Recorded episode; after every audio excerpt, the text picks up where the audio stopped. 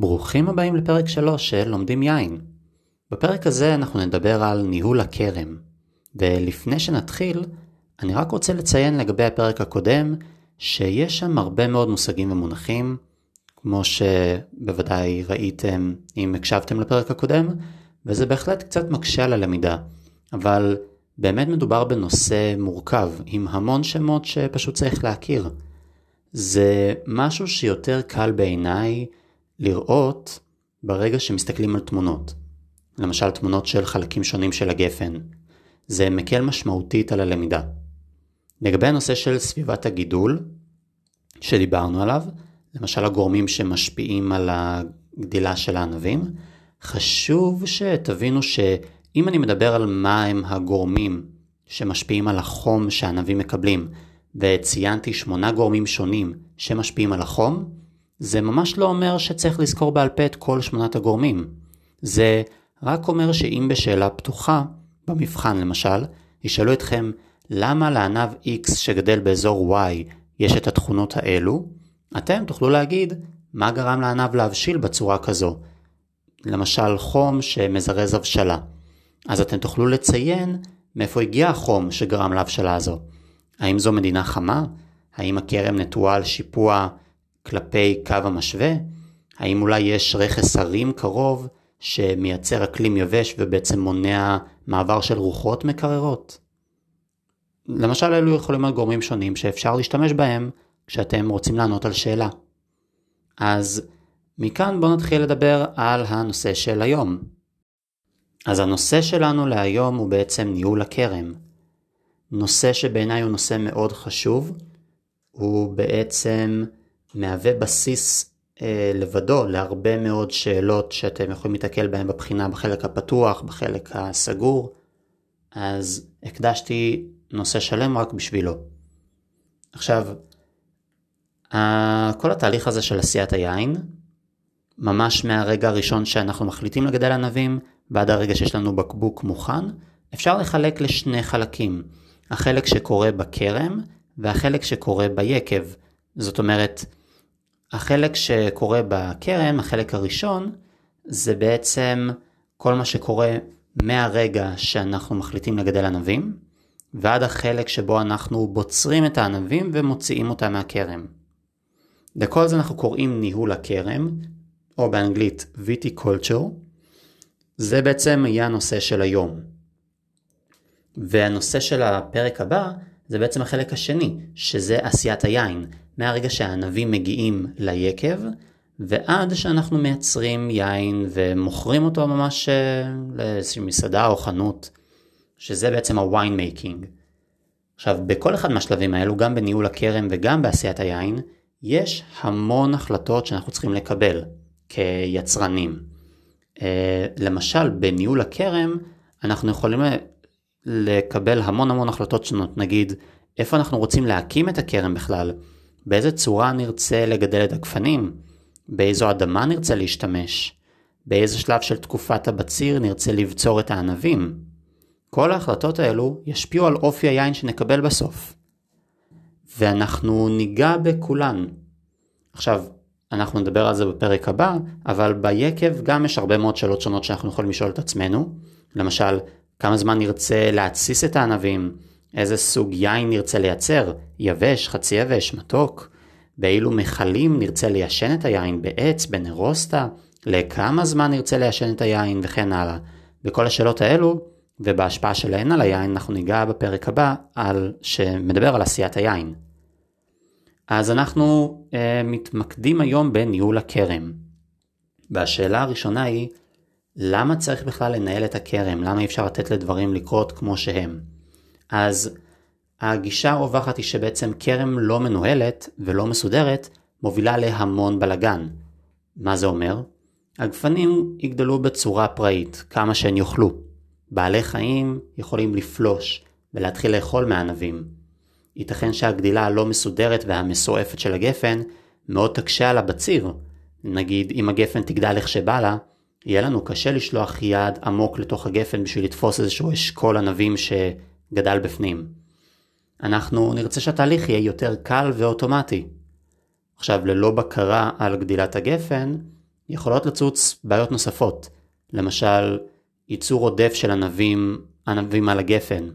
זה לרגע נשמע כמו דבר טוב שיש הרבה מאוד ענבים שגדלים על גפן, אבל במצב כזה ייתכן שהגפן תצטרך להקצות את המשאבים שלה בין יותר מדי ענבים, ואז כל ענב לא יהיה מספיק מתוק, זאת אומרת לא יקבל מספיק סוכר, או שיהיה מחסור בנוטריאנטים לענבים. הפואנטה היא שאנחנו צריכים בעצם לשלוט בגפן כדי לקבל את היין הסופי שאנחנו רוצים. אז, הבחירה הראשונה היא בעצם האתר לכרם. הכורם שרוצה לגדל ענבים צריך לקחת בחשבון את הטמפרטורה הממוצעת באותו מקום, את רמת הגשמים שיש באתר, כמה אור שמש האתר מקבל, איזה סוג אדמה יש במקום, והאם צריך להביא אדמה ממקום אחר. בנוסף, כדאי שהמקום יהיה נגיש לכוח עבודה. אנחנו לא נרצה לגדל ענבים באזור שקשה להביא לשם כוח עובד. ולפעמים נעדיף אתר גידול שאפשר להשתמש בו בבוצרת מכנית, כדי להוזיל עלויות, ולעיתים נבחר שלא, ואנחנו נדבר על למה בהמשך. בנוסף, יש לחשוב על איזה זן אנחנו בכלל רוצים לטוע. אם אנחנו מתכננים למכור יין לאוכלוסייה מקומית שמאוד מאוד אוהבת פינו נואר, אז נבחר באתר גידול שמתאים יותר לגידול של פינו נואר. יש זנים מסוימים שאזורי יין מסוימים לא מתאימים להם, אולי הם פחות אוהבים אזורים חמים או קרים למשל. אז נטיעה ונטיעה מחדש. יש לנו, בחרנו אתר לגידול ענבים, אנחנו רוצים אה, לטוע שם גפנים. אז בנטיעה מחדש או בנטיעה באופן כללי, אנחנו צריכים לנקות את הכרם מכל צמחייה קודמת. הכורם בדרך כלל קונה גפנים צעירות שכבר עברו גרפטינג בנרסריז, כלומר, כמו שדיברנו עליו בשיעור הקודם, הגפן כבר מורכבת משורשים אמריקאים, ובעצם כשאנחנו קונים אותה היא מוכנה לשתילה באדמה. לעתים את הגפן הצעירה אנחנו חייבים להשקות, גם אם חוקי המקום אוסרים על השקעת גפנים שאמורות להוציא פרי, ואנחנו צריכים לכסות אותם הרבה פעמים בשקית כדי להגן עליהם מפני בעלי חיים. עכשיו, נתנו את הגפן באדמה, היבול הראשון של גפן מגיע לרוב כשלוש שנים אחרי שנוטעים אותה. והגפן לרוב מוחלפת ברגע שהיא מגיעה לגיל של 30 עד 50 שנים. זאת למרות שיש גפנים במקומות מסוימים שמסוגלות לגדול אפילו יותר מכך. וכשגפן מסוימת היא נחשבת מבוגרת, היינן לרוב יציין את זה על הבקבוק. הוא יכתוב משהו כמו Old Vines, בגלל שגפן מבוגרת היא נוטה לייצר ענבים איכותיים יותר. מה הכוונה? יותר מרוכזים בטעם, אה, אבל בעצם פחותים בכמותם על הגפן. עכשיו צריך לקחת בחשבון שגפן בוגרת היא יותר מועדת למחלות, ובדרך כלל אחרי עקירה של גפן מהאדמה, יש לתת לאדמה מספר שנים להתאושש, בערך שלוש שנים, לפני שנוטעים מחדש. אז בואו נדבר על העבודה על הגפן עצמה. כלומר, איך נרצה לעצב את הגפן לקראת הבציר הבא. בתור קורם, זה חשוב מאוד לגזום החוצה את כל החלקים הלא נחוצים בגפן, כדי שהיא לא תגדל יותר מדי. כלומר, עלינו להיות בבקרה על כמה shoots הולכים לצמוח בכל שנה. כשאנחנו גוזמים ומעצבים את הגפן, אנחנו מדברים על שני תהליכים, שצריך לזכור אותם בשם שלהם. תהליך שקוראים לו training, שבו אנחנו בעצם מעצבים את העץ הקבוע, את ה permanent wood שלנו, זאת אומרת מוציאים חלקי עץ קבוע שאנחנו לא צריכים, ותהליך נוסף בשם pruning, או בעברית זמירה, בו אנחנו גוזמים את החלקים הירוקים, או ה one year old wood שלנו, העץ בן השנה שלנו שאנחנו לא צריכים, ואנחנו יכולים לפרט על כל אחד מהתהליכים האלה עכשיו. עכשיו, התהליך הזה לפעמים קצת קשה להבנה, ולפני שנסביר לחלוטין מה זה אומר training או, או זמירה, בואו נעשה רגע איזשהו תהליך מחשבתי, לצורך המחשה טובה יותר. תדמיינו לכם, אנחנו ב-2021. בואו נגיד ב-2021, בחורף לקראת הקיץ של 2021, תדמיינו לעצמכם איזושהי אה, גפן שנשארה לנו מהשנה שעברה, מ-2020. יש לנו גפן מ-2020, תדמיינו שנשאר לנו גפן אה, שב-2020 אה, יש לה טראנק, זאת אומרת יש לה גזע, בלי קורדונים, בלי כלום, אבל יוצאים ממנה ארבעה קיינס. עכשיו, ב-2019, שנה אחת אחורה, מה הקיינס האלה היו? הם היו שוטס, נכון? הם היו שוטס ירוקים, שב-2019, אחרי הבציר, אנחנו לא תלשנו אותם, לא עשינו להם כלום, נתנו להם, אחרי הבציר של 2019, לשוטס הירוקים האלה להישאר, בחורף לקראת 2020 הם הפכו לחומים, ובעצם הם הפכו לקיינס ב-2020. כלומר ב-2020 הקיינס האלה הפכו ל-one year old wood בצבע חום. עכשיו, על אותם קיינס, ארבעה קיינס האלו ב-2020, יש buds, יש ניצנים. אם אתם זוכרים נכון, על כל קיין יש בין 8 ל-20 ניצנים, אם לא תלשנו אותם, אם לא גזמנו אותם ידנית. ולקראת עונת הבציר של 2020, כל הבאדס האלה, על כל אחד מארבעת הקיינס שלנו, מתחילים להצמיח אה, בעצם שוט חדש, ירוק. אז אם על, אם על קיין מסוים היו עשרה ניצנים, אז בעצם באותו בציר אנחנו מקבלים עשרה אה, שוטס, שעל כל אחד גדלים ענבים. אז בואו נסכם רגע מצב. אנחנו אחרי בציר של שנת 2020, אה, בדיוק סיימנו את הבציר הזה, יש לנו גזע, שזה עץ קבוע, יש לנו ארבעה קיינס, שזה בעצם עץ בן שנה, על כל אחד ממנו יש בערך בין 8 ל-20 שוטס ירוקים, נכון? אה, שעליהם גדלו הענבים שבדיוק הוצאנו. ועכשיו מה קורה לנו ב-2021? ב-2021 ארבעת הקיינס שלנו הופכים גם לעץ קבוע, כי הם כבר לא בני שנה, הם כבר בני שנתיים. וכל אחד מהשוטס של 2020 הופך להיות קיין משל עצמו, כי עכשיו השוטס הופכים להיות עץ בן שנה. עכשיו תזכרו מה קורה פה. אמ, על כל, אה, על כל קיין יש בין 8 ל-20 בדס שהם הופכים לשוטס חדשים ב-2021. זה אומר שבחישוב מהיר יש לנו 32 עד 80 קיינס על גפן אחת ב-2021 וכל אחד מה-32 עד 80 קיינס האלה צריך להכפיל ב-8 עד 20 ניצנים שיש על כל אחד מהם כדי להבין שאנחנו הולכים לקבל כמות מטורפת של שוטס חדשים בשנה הנוכחית ב-2021 וזה מגפן אחת. עכשיו זה כמובן יותר מדי בשביל גפן אחת ובגלל זה אנחנו צריכים גיזום והסרה של חלקי גפן מיותרים. אז בגלל זה אנחנו עושים את התהליך הבא. קודם כל תהליך של training, שאפשר להגיד גם vine training. זה בעצם עיצוב של העץ הקבוע כמו שאנחנו רוצים שהוא יהיה. הסרה של חלקים לא רצויים למשל. אנחנו יכולים למשל לדאוג לכך שהגזע יצמח כלפי מעלה, ואז הגפן וכל העלים והפירות יהיו רחוקים מהאדמה.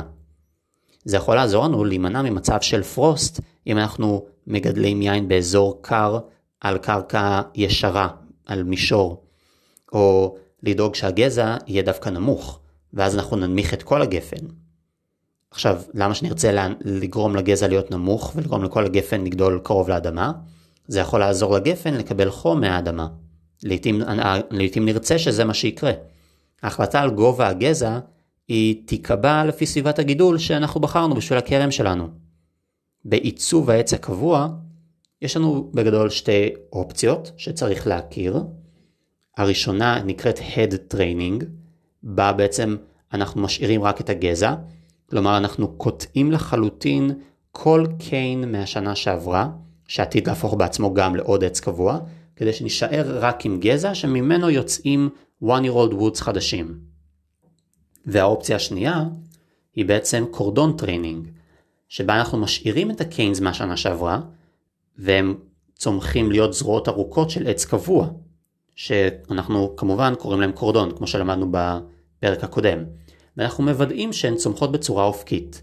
עכשיו, איך נדאג שה cordons צומחים בצורה אופקית? בזמן שהן רק canes, אנחנו דואגים לקשור אותן למוטות, כך שהן יצמחו במקביל לקרקע. עכשיו, לכל אופציה מהבאות יש יתרונות וחסרונות. cordon training לוקח לרוב יותר זמן, כי צריך לחכות שהקורדונים אה, יצמחו בעצמם.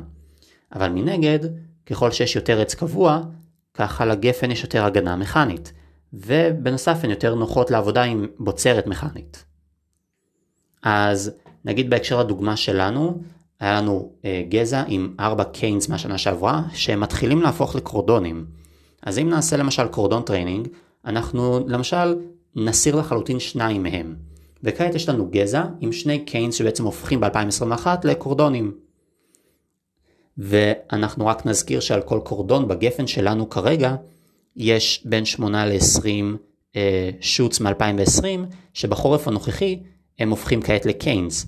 אז יש לנו בין 16 ל-40 סך הכל canes על הגפן שלנו מהדוגמה, אחרי שעשינו cordon training. וכמובן שבקיץ הקרוב, מכל cane כזה, אה, הולכים לצמוח בין 8 ל-20 shoots חדשים, אם לא נעשה שום התערבות. אז הפתרון הפשוט יהיה להתחיל לגזום canes עודפים, אנחנו לא צריכים את כולם, ואפילו לחתוך חלק מהניצנים שיש על ה canes, כדי להגביל צמיחה של shoots חדשים לאביב. אז עשינו training, זה כמובן לא מספיק, אז התהליך הבא זה תהליך של הוצאה של אה, חלקים ירוקים או עץ בן שנה מיותרים, ולזה אנחנו קוראים pruning או זמירה. יש לנו שני סוגים של זמירה, יש לנו זמירת חורף, שזה מה שאנחנו מתמקדים בה עכשיו, וזמירת קיץ שאנחנו נציין מה המטרה שלה עוד מעט, ויש לה סיבה אחרת לגמרי. עכשיו, זמירת חורף זה מה שאנחנו עושים לפני צמיחת השוץ של האביב, זה בעצם יקבע כמה ניצנים אנחנו משאירים לתקופת הבציר, וכמה הניצנים בעצם עוברים הנצה, לכדי שוץ חדשים. גם כאן יש לנו שתי אופציות. אנחנו יכולים להשאיר רק spurs, אה, זאת אומרת מקטעי עץ בן שנה קצרים, שאם אתם זוכרים לכל אחד מהם יש רק שניים או שלושה ניצנים. אז בעצם אנחנו ב spur pruning אה, אנחנו נקצץ את העץ בן השנה כך שיהיה מאוד מאוד קצר. או שאנחנו נחליט שאנחנו משאירים canes שלמים, שיהיו בעצם יותר ארוכים עם הרבה יותר ניצנים. ובהתאם לכך באמת שתי האופציות האלו נקראות או spur pruning או cane replacement pruning. שבמצב שאנחנו משאירים canes אפשר להשאיר פשוט cane אחד או שניים על כל גפן זה לחלוטין מספיק. ה canes נוטים ליפול לכיוון האדמה אם לא מחזיקים אותם כי זה בעצם עץ יחסית דק וארוך. אז אפשר לקשור אותם באמצעות מוטות כך שהם יישארו באוויר. אנחנו ניגע במושג הזה עוד מעט. ואם נחזור לדוגמה שלנו, אנחנו יכולים לעשות למשל spur pruning. אנחנו נזכיר לכם שיש לנו גזע עם שני קורדונים. אז אם נעשה spur pruning לגזע הזה, אז אנחנו משאירים מספר spurs קטנים על כל קורדון, ועכשיו יש לנו כמות מאוד מצומצמת של shoots, כמות שפויה של אה, ניצנים חדשים, אה, לקראת הבציר הבא. עכשיו למרות שהתהליך הבא שאני אדבר עליו קורה בקיץ, אני רק אזכיר אותו כי ציינתי אותו בשם, תהליך זמירת הקיץ, הוא קורה מן הסתם בקיץ לאחר שכבר צמחו הפירות, אנחנו נזכיר אותו שוב עוד מעט. בזמן אה, של הקיץ, לגפן יש ענבים, יש כבר עלי, יש עלים, ענפים, יש לה הכל, והגפן צריכה להחליט במה היא משקיעה משאבים. הרי שחלקי העץ העלים, הענפים, ממשיכים לגדול גם בקיץ. אבל אנחנו לא רוצים שהם יגדלו יותר מדי. אין לנו כל כך אינטרס בשלב הזה. כבר יש לנו פירות, ואנחנו רוצים שהגפן תתמקד עכשיו בלהעביר את הנוטריאנטים והסוכר לפירות, לא לענפים, לא לעלים.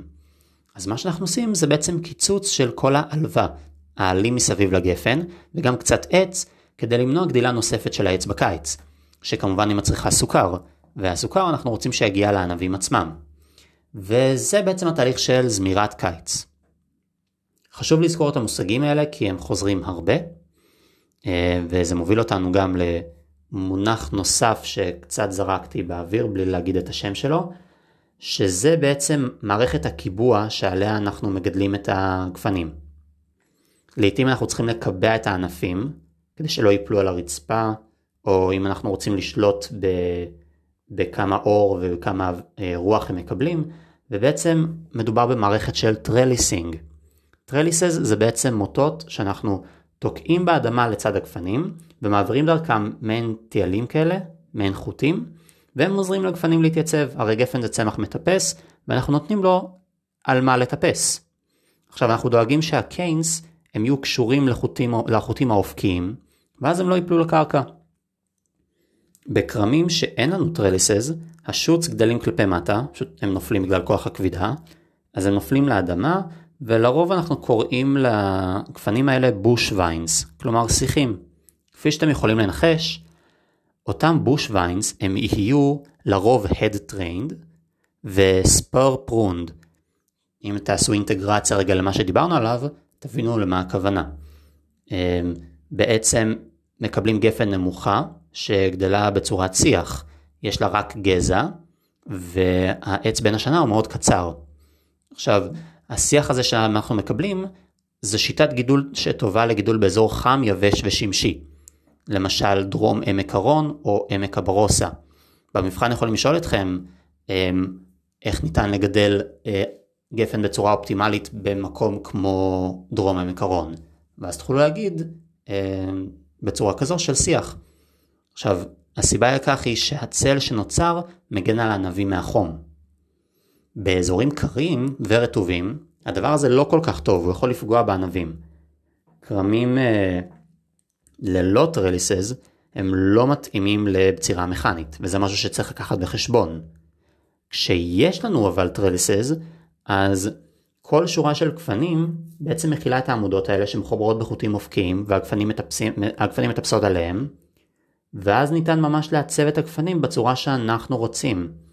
אנחנו יכולים לשלוט בכמות האור שכל shoot מקבל, לפי הצורה שבה אנחנו קושרים אותם על החוטים, ואפשר אפילו לשלוט בכמות הרוח שהנבים נחשפים אליה.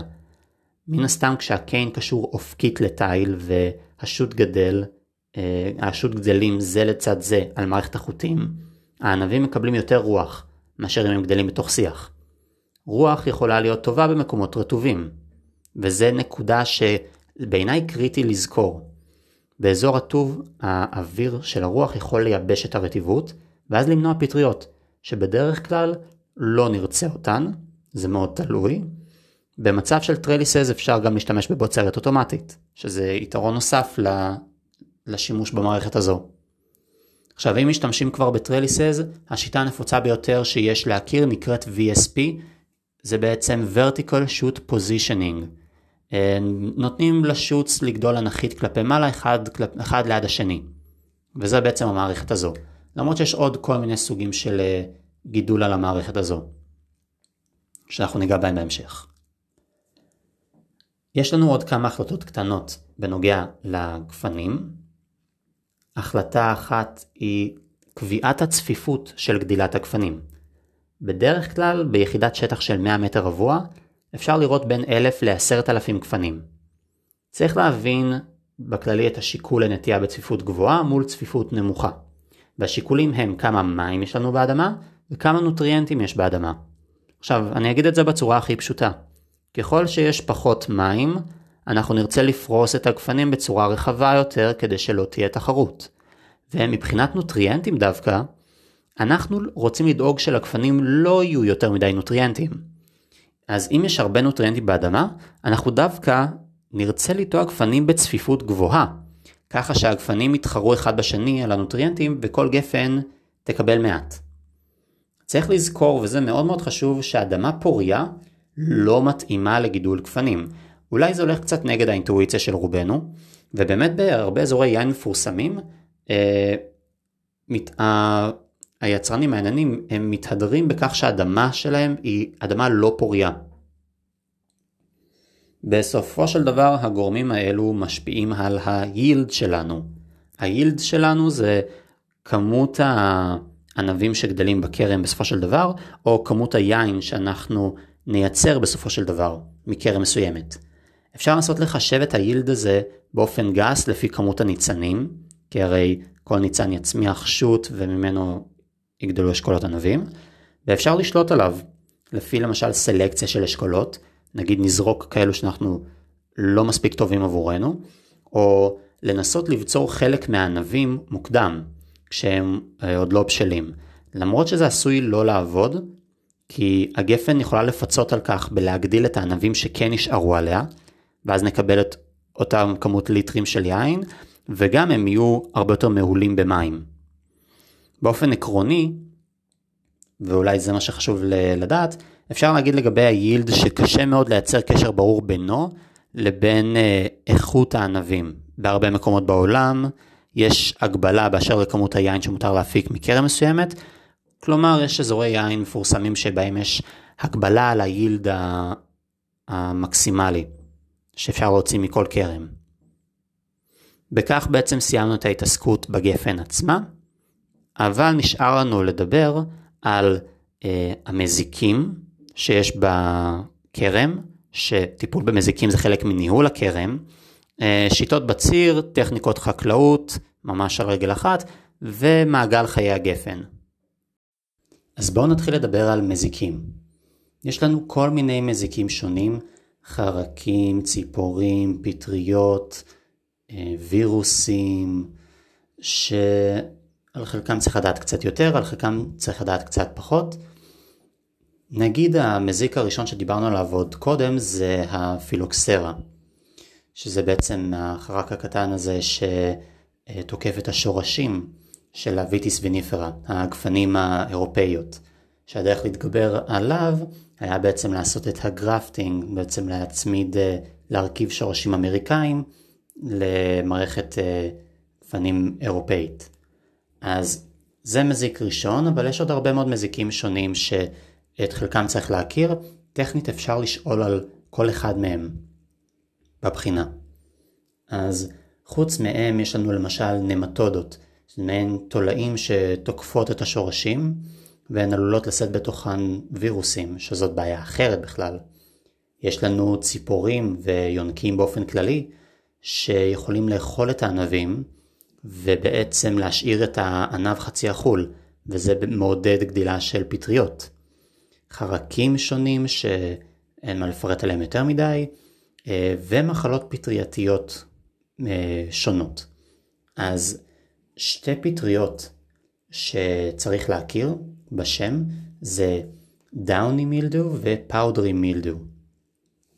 שתי פטריות שגדלות בסביבה חמה ולחה. לחות בעצם מאוד מעודדת גדילה של פטריות. אה, ופטריה נוספת שדיברנו עליה קודם היא פטריית הבוטריטיס, שהיא גורמת לריקבון אציל, אה, שזה ה noble rot, אבל יכולה גם לגרום ל grey, ל grey rot.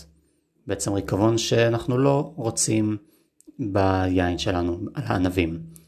זאת אומרת, פטריית הבוטריטיס מצד אחד יכולה להזיק לענב, אבל מצד שני, אם משתמשים בה ליצירת ריקבון אציל, אפשר להשתמש בה לייצר יינות קינוח, כמו למשל בסוטרן בצרפת, ונגיע לזה בעתיד.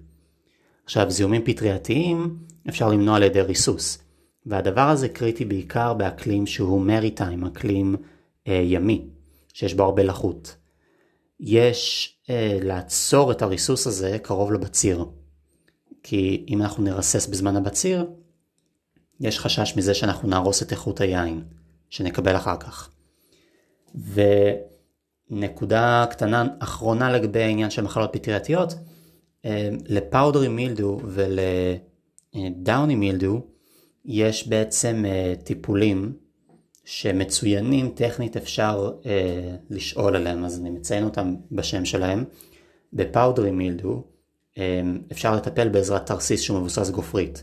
בדאוני מילדו, שזו פטריה אחרת, בעצם אה, אפשר לטפל בעזרת איזשהו תרכיב שקוראים לו בורדו מיקסשר.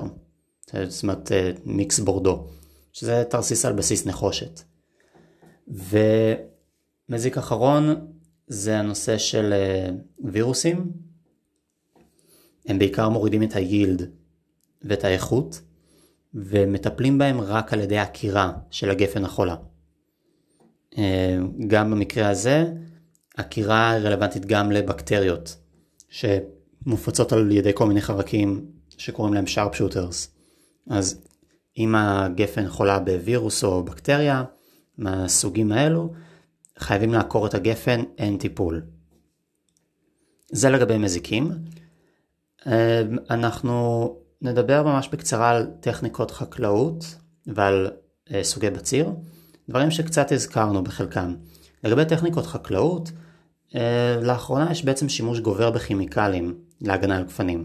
ולמען הסביבה יש כל מיני דרכים שבהם נמנעים משימוש מוגבר בתרסיסים. למשל Sustainable Agriculture, זאת אומרת חקלאות בת קיימא. אה, בעצם אנחנו מגבילים את הריסוס על ידי גידול נכון של הגפן ומעקב אחרי מזיקים פוטנציאליים שעלולים לתקוף את הגפנים. אפשר נגיד לגדל חיה שטורפת את המזיקים למשל, אה, כמו שביקב תבור בישראל, אה, כל הקמפיין סביב התנשמת, שהיא בעצם טורף על, וברגע שהתנשמות הצליחו להגיע לכרם, הבינו שהם סגרו איזשהו מעגל אקולוגי. אז זה נגיד שימוש במדביר ביולוגי במקום ריסוס. דרך נוספת לעשות, למנוע ריסוס במידה מסוימת, זה להשתמש למשל ב-vertical shoot positioning, הגידול הזה של השוץ בצורה אנכית כלפי מעלה, אחד עד השני, כדי שהרבה רוח תעבור דרכה, כדי למנוע הצללה ולמנוע הצטברות של החוט. שהיא מובילה לפטריות. ואז אין צורך בריסוס אם אנחנו מצליחים למנוע את ההיווצרות של פטריות כך. שתי טכניקות אה, גידול נוספות, אה, קצת דומות אחת לשנייה. הראשונה היא אה, חקלאות אורגנית, שזו שיטה קצת יותר קיצונית, וכדי לקבל תווית של עקב אורגני, צריך לקבל חותמת מגוף מוסמך. ולא כל היקבים האורגניים עובדים לפי אותו הסטנדרט. ולבסוף, שיטה נוספת היא אה, חקלאות ביודינמית. שזה בעצם שדרוג של הגישה האורגנית, שלוקח בחשבון עוד כל מיני גורמים אנתרופוסופיים, פילוסופיים, אנתרופולוגיים, קוסמולוגיים. בעצם כל החומרים האורגניים ביקב נתפסים כחלק מיצירת הפרי.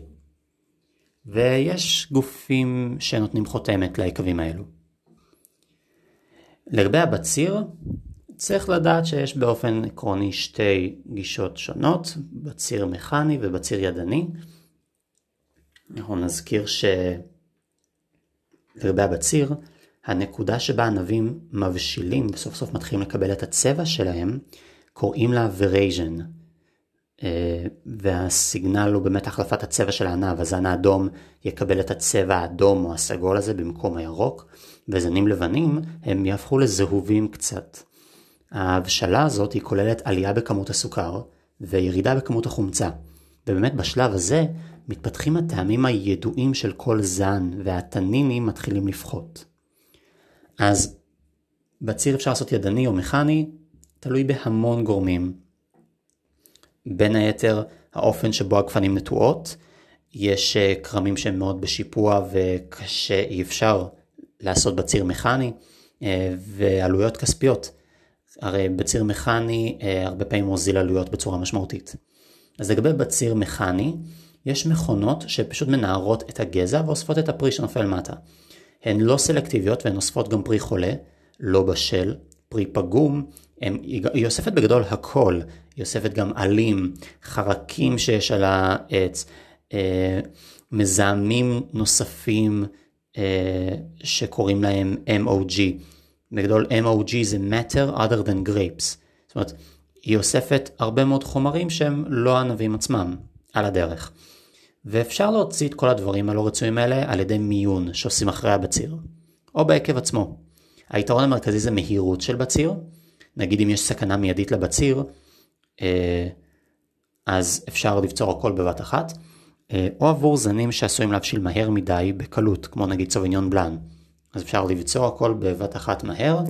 החיסרון הוא שניתן להשתמש בבוצרת מכנית רק באדמה שטוחה יחסית, והיא טובה רק עבור זנים שלא נפגמים בקלות, כי יש סכנה לפגוע פיזית מכנית בענבים בעת הבציר. ויש לנו אה, בציר ידני, בעצם עובדים שכותבים ידנית. זה תהליך שהוא ארוך ויקר, אבל אפשר לבחור ענבים באופן סלקטיבי. וזה קריטי, למשל, אם נרצה לייצר יין, רק מענבים שנדבקו בנובל רוט, בריקבון אציל.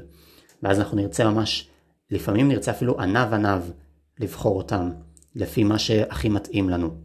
כי באשכול לא כל הענבים אה, ידבקו בריקבון באותה מידה. ולסיכום, בעצם נדבר על אה, מעגל חיי הגפן.